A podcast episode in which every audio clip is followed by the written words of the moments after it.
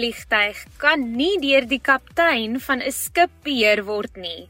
Hy gaan nie weet hoe om die vlug se rigtinggewende vlugkontroles te bestuur nie. Hy weet hoe om 'n skip op die waters te seil. Sommige sal sê dis in sy bloed. Om 'n loopbaanrigting te kies is seker een van die moeilikste besluite wat 'n mens moet neem.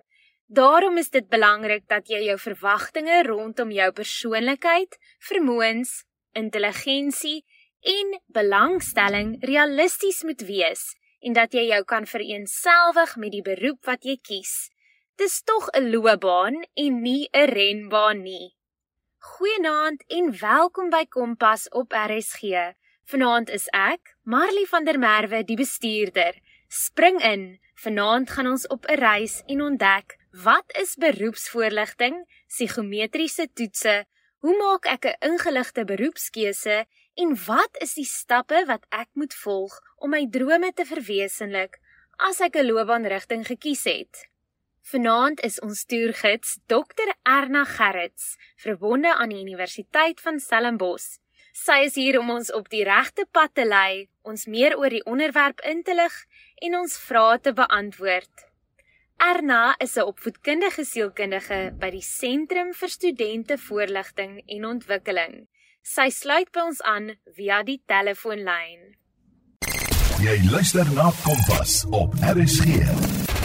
Dankie Marley, voorreg om hier te wees. Miskien moet ek eers sê dat ek self nogal baie gesukkel het in my lewe om 'n beroep te kies en dit is omdat iets is beroepsvoorligting en mense se loopbane is na my hart. So wat ek maar net sê is ek dink as ons dink aan beroepsvoorligting dan is dit maar 'n pad wat mense almal stap wat jy elke dag moet loop. Dit is nie een keuse wat jy maak en jy weet sommer dadelik dis vir my. Baie min mense loop daai pad. Jy sê sommer klaar wat ek wil hoor want dit is nie 'n renbaan nie, dit is 'n loopbaan. Ja, dis my so interessant dat jy hierdie voorbeeld vat van 'n voertuig. As ons praat van 'n loopbaan, dan is dit 'n Engels karier. So die Latynse woord vir karier is carus en dit sê waar. En eintlik kom dit van daai ding af van dit iets wat heeltyd voor te beweeg en daai idee van 'n voertuig wat jou eintlik deur die lewe dra. Dis ons loopbaan. Ek hou van wat jy sê dat jy altyd moet vorentoe beweeg. So, ja.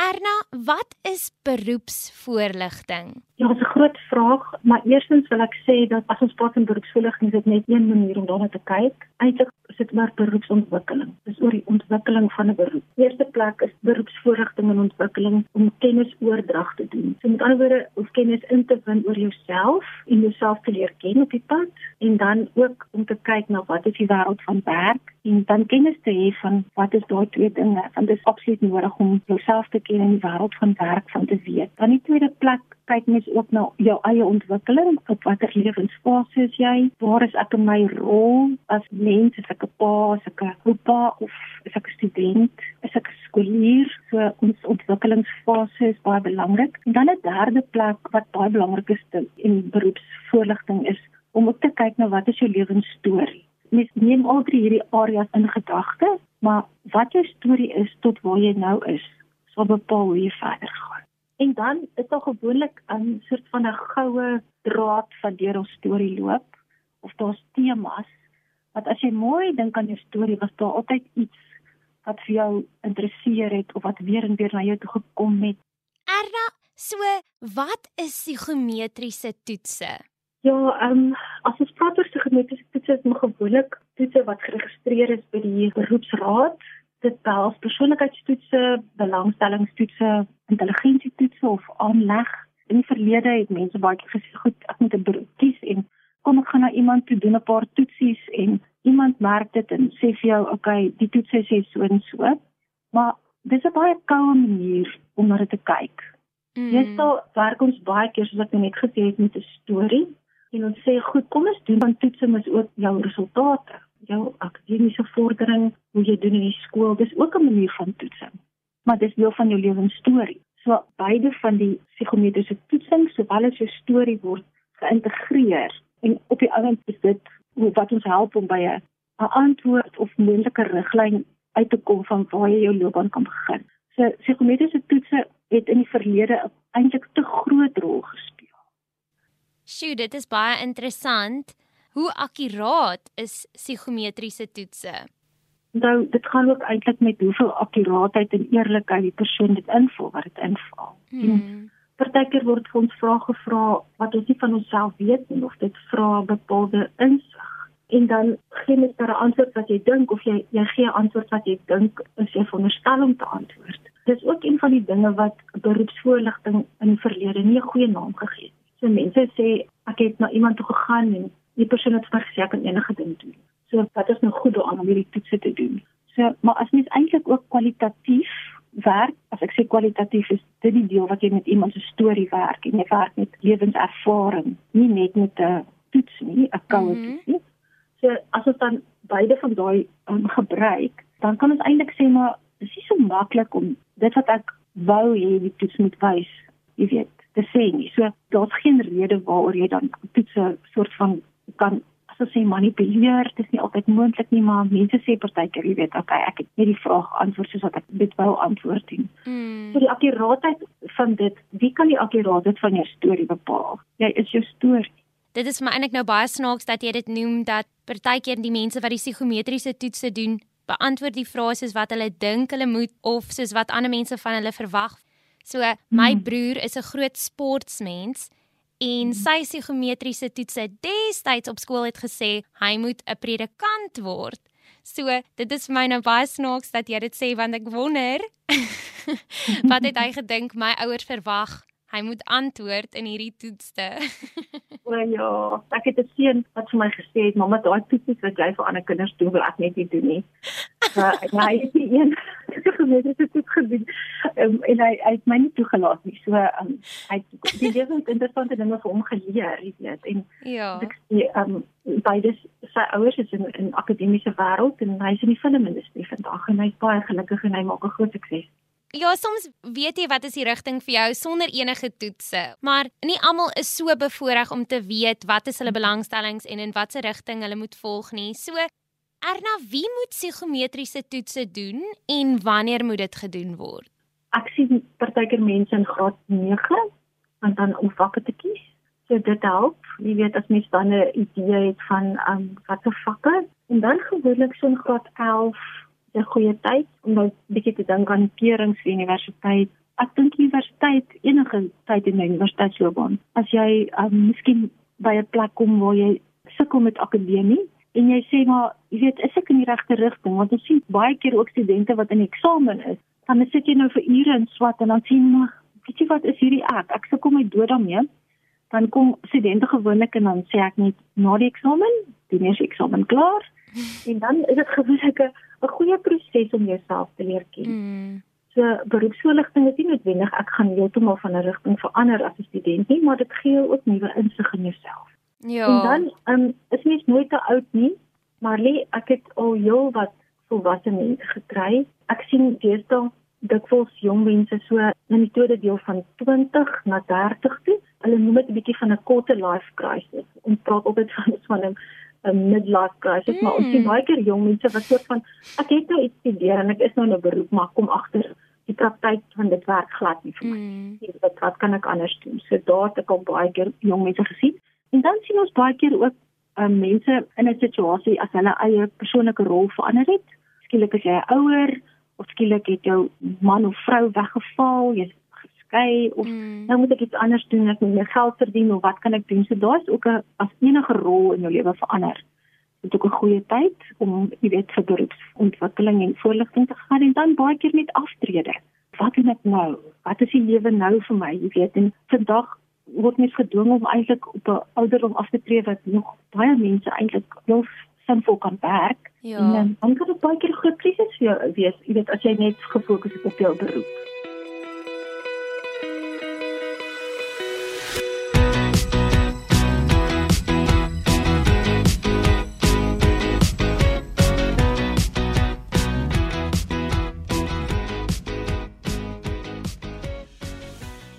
Jy luister na Kompas op RSG en ek is Marley van der Merwe. Vanaand is ek die bestuurder van hierdie program.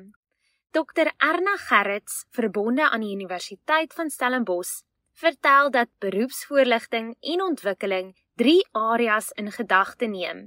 Eerstens om kennisoordrag te doen om kennis in te win oor jouself en jouself te leer ken op die pad en te kyk na wat is die wêreld van werk. Tweede plek te kyk na ontwikkelingfase. Waar is jy op jou lewenspad? Derde plek en mees belangrik, 'n narratiewe benadering deur te kyk en werk met jou lewensstorie. Daar is nie net 'n begin en einde aan 'n loopbaan nie. Daar is verskillende draaie waarop jou lewenspad jou vat. Jou storie sal bepaal waar jy volgende sal gaan. Kom ons val weer in die pad. Ek is reg om weer met ons toergids, Dr. Erna Gerrits, te gesels.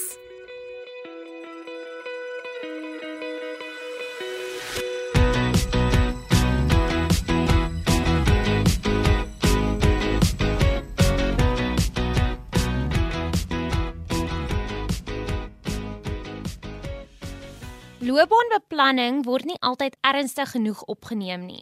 Jong mense laat na om daaroor te dink tot op die laaste nippertjie en neem dan oorhaastige besluite.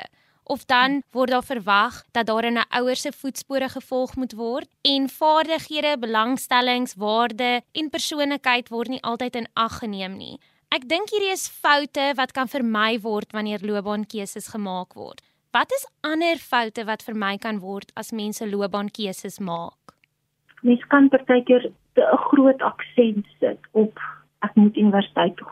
Mense dink enigste ding wat jy kan doen is ons kan net op universiteit studeer en 'n sukses van die lewe maak. Mm. Ek dink dis een van die persepsies wat ek dink regtig vir jammer is in ons land. Ons het mense nodig wat vaardighede kan beoefen ons land het behoefte aan mense wat onderhoudswerk kan doen. Ons het behoefte baie aan loodgieters, mense wat kan met hulle hande werk en wat nie bang is om met hulle hande te werk nie, want daar lê baie geld in tans. Almal dink aan as ek 'n graad het, kan ek met 'n bepaalde posisie in 'n werk instap. Baie gegradueerde mense sit sonder werk. So ons is in 'n plek waar mense baie keer dink maar ek moet 'n graad hê. Dis nie noodwendig die antwoord. So dit is 'n persepsie wat mense kan vermy. Die ander ding, mense het gemengde sienings hieroor. As jy nie gereed is na matriek om te weet wat jy moet doen nie, werk vir 'n ruk.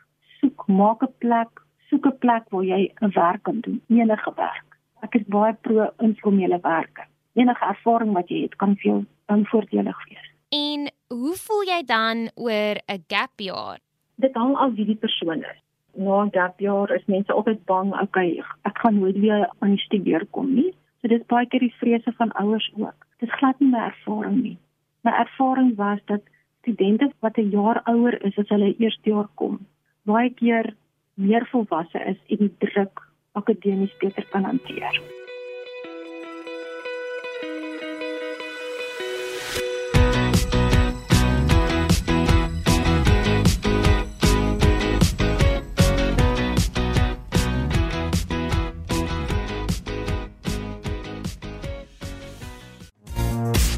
Luister na Kompas op RSG.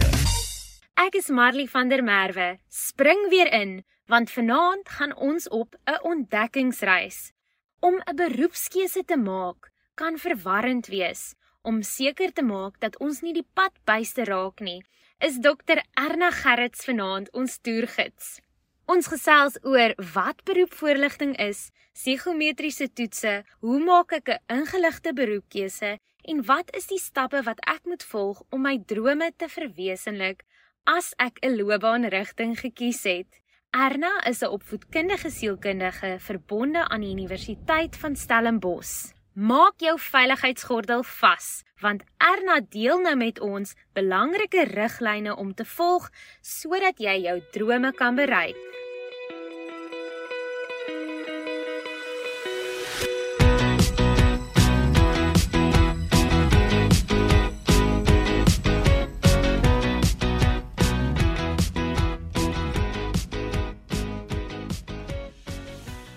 Ons sit gou-gou in Trirad en ons gaan so 'n bietjie terug.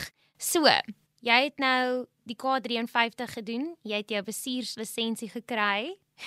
jy weet nou wat se wat se loopbaanrigting jy gekies het, maar nou moet jy die pad leer ken. So, ek dink dit is belangrik om riglyne te stel waar volgens jy jou droom kan bereik. 'n Plan van aksie. Byvoorbeeld, ek moet matriekvrystelling hê of ek moet spesifieke vaardighede ontwikkel. Wat sal jy sê is belangrike riglyne om te volg om jou drome te bereik? Marley, die eerste ding wat ek wil sê is ek dink mens moet in vandag se wêreld wat so onvoorstelbaar is, moet jy baie aanpasbaar kan wees. Jy kan vir jouself planne maak en sê dit is wat ek eendag wil doen. Ek wil baie graag 'n dokter word. En skielik kry jy nie kering om 'n dokter te word nie. Skielik is jou wêreld in varte. Maar ek het baie keer gesien iemand wat 'n dokter wil word, daar sekere motiverings. Van hoekom wil ek dit doen? Jy kan dit wat jy daar wil bereik, ook bereik deur 'n ander beroep te doen. As jy sê jy dink aan wat die pandemie ons almal gedoen het, skielik het die wêreld van werk so verander. Skielik het sekere um, beroepe ontstaan. So loopbaantasbaarheid is 'n groot ding, jy weet, bly nuuskierig. Die ander ding is deur jou hele loopbaan waar waar jy ook al is, bly besorg oor jou loopbaan. Onthou, daar's nie 'n maatskappy of iemand anders wat vir jou loopbaan gaan uitkyk nie. Jy is die een wat die eienaar is. Jy stuur jou eie skip.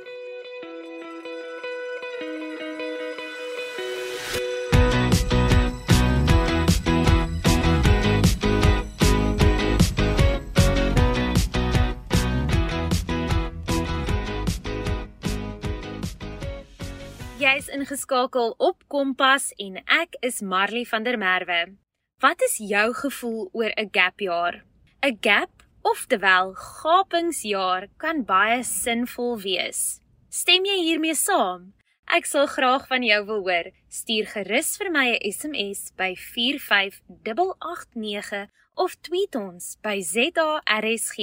Gebruik die hitsmerk Kompas. Terug by vanaand se onderwerp. Erna vertel vir ons hoe ouers hulle kinders kan ondersteun wanneer beroepskeuses gemaak moet word.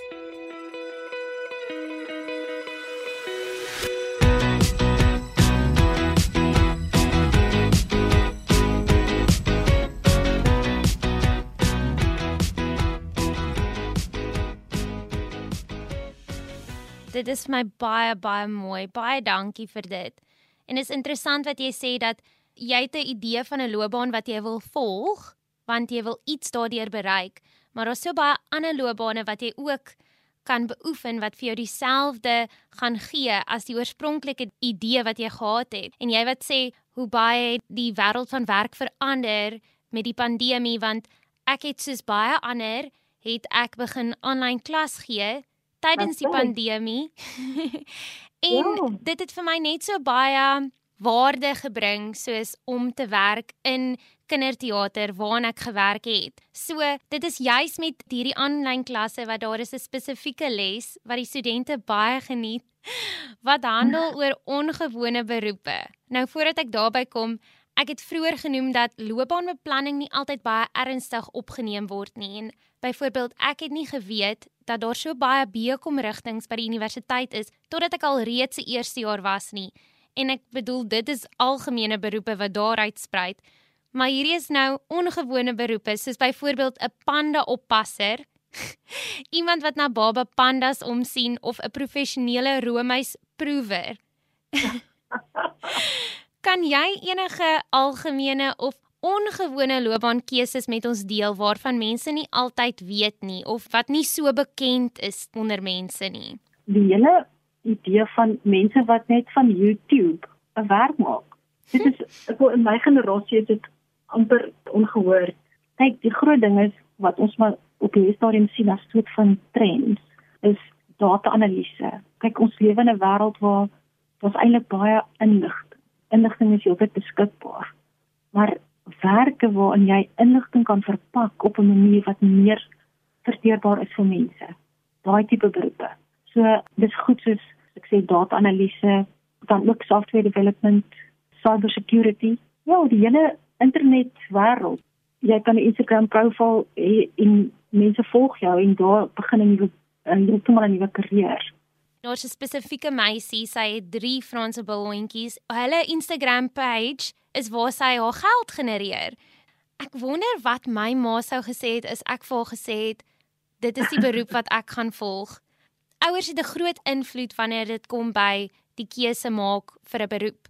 Ons het ook vroeër gesels oor dat daar baie gevalle is waar jong mense in die voetspore van hulle ouers volg en die beroepsrigting pas nie by hulle persoonlikheid nie of hulle is baie ongelukkig in hierdie beroepslewe of slegs tradisionele universiteitsopleiding en studies word deur die ouers in ag geneem wanneer kom by beroepkeuses maak. Ouers se se ondersteuning is baie belangrik as dit kom by 'n loopbaankeuse maak. En hoe kan ouers 'n positiewe invloed hê? Ek dink ouers is nog 'n moeilike rol en ek sê dit want ek self ouers. Mens wil mos maar net die beste vir jou kind hê en baie keer dink mens dat dit wat jy dink en beleef het, jy dink jy weet. Maar my pa het 'n baie oulike gesegde gehad, hy het altyd gesê elke kind word met sy eie pot pap gebore. So baie keer word jong mense gebore met die kennis wat hulle ook moet hê om hierdie wêreld te leef en te oorleef. So ons is geneig as ouers om baie keer um, kinders se menings nie te ag nie. Ons wil vir hulle sê wat om te doen. So en dan wat ek ook sien is dit beïnvloed ons verhouding met ons kinders. Mm. As jou kind op die stadium kom, mening begin luister. Jy moet begin bereid wees om te hoor wat hy sê of sy sê. So ons kan so baie keer kinders se inisiatief demp met ons negatiewe ervaring. Mm. My boodskap is net vir ouers, probeer by die hart van jou kind uitkom en regtig te luister en dan sal jou verhouding met jou kind ook so wees dat jy vorentoe 'n pad saam kan stap. Anders dan gaan 'n kind wel wegkom van jou af en hulle kan nooit 'n mening gee nie. Hulle mening word altyd um jy weet oorheers deur deur die ouers se mening. Mm. So ek ek besef ons as ouers weet nie altyd beter nie. As ons maar net dink aan die vaardigheid rondom rekenaars, die vaardigheid digitaal. Ek voel regtig dom teen my kinders en dit is 'n goeie voorbeeld of wat ek vir ouers wil sê. En dan aan die ander kant wil ek ook vir jong mense sê, luister ook met watter doel wat jou ouers vir jou raad gee. Dit is regtig van 'n goeie plek bedoel baie keer. Mm. So ek dink jy moet net ook weer saam die pad stap en sê ons altyd weet nie, kom ons kyk wat is beskikbaar. Kom ons gaan sien iemand wat beter weet of kom ons doen saam navorsing. Ek kom op partykeer agter jong mense is bietjie lui om navorsing te doen. Hulle verwag dat mense vir hulle moet sê. As jy nog self navorsing gedoen het, dan jy nog nie reg vir 'n beroep nie. Mm. Dan gaan kyk na gapjaar opsies. Gaan kyk na wat universiteite vir jou bied. En moenie dink jy gaan net een beroep volg nie, daar's baie. gebruik die geleenthede. Ja, dink as jy teruggaan as jy sê net maar nou vinnig spring na jou as jy 75 of 80 jaar oud is en jy dink maar ek het my hele lewe net een ding gedoen. Dit klink maar saai. Oninteressant. Maar as jy dink jy het dit gedoen en dat gedoen, jy weet, um, skryf 'n mooi storie as jy kan. Ja. Soos wat ons vroeër genoem het, dit is 'n loopbaan, dis nie 'n renbaan nie. En jy het nou jou loopbaansrigting gekies en jy het besef dit was 'n fout. Wanneer is dit te laat? Om jou loopbaansrigting te verander? Marley, ek dink dit nooit te laat nie. Ek dink dit wel, dit is so maklik altyd. So ons kom op 'n stadium wat ons moet weet ons almal moet nou dan vir onsself sorg. So onthou ons is almal in 'n wêreld waar ons praat van voortdurende leer.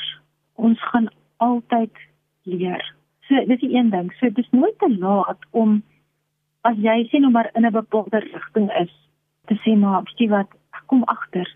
Ek het ingenieurswese geswat, maar weet jy wat ek mm. eintlik baie goed om die produk te verkoop wat ons ingenieursmaatskappy het. En dan om te sê goed, maar miskien is ek in my wese eintlik 'n bemarker. Mm. En dan wil ek meer weet van bemarking want hoe doen ek dit beter? Dan is dit tyd daar om verder te leer. Dit is nooit te laat nie. Dit gaan net oor as jy bereid of as jy te lui. jy weet want dit, dit gaan nie maklik kom nie. Hoe later dit is, hoe moeiliker gaan dit kom want jy gaan maar moet werk en moet leer.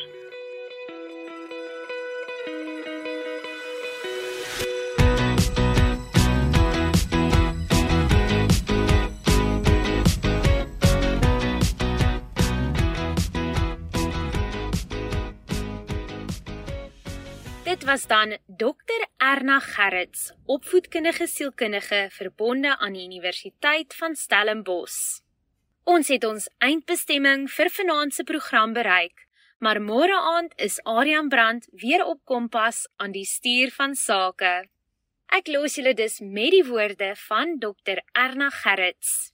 Bly besorgd oor jou loopbaan. Daar is nie 'n maatskappy wat daarna kyk nie. Jy is die eienaar van jou loopbaan. Jy stuur jou eie skip. Dit was dan Kompas met my Marley van der Merwe. Tot volgende week.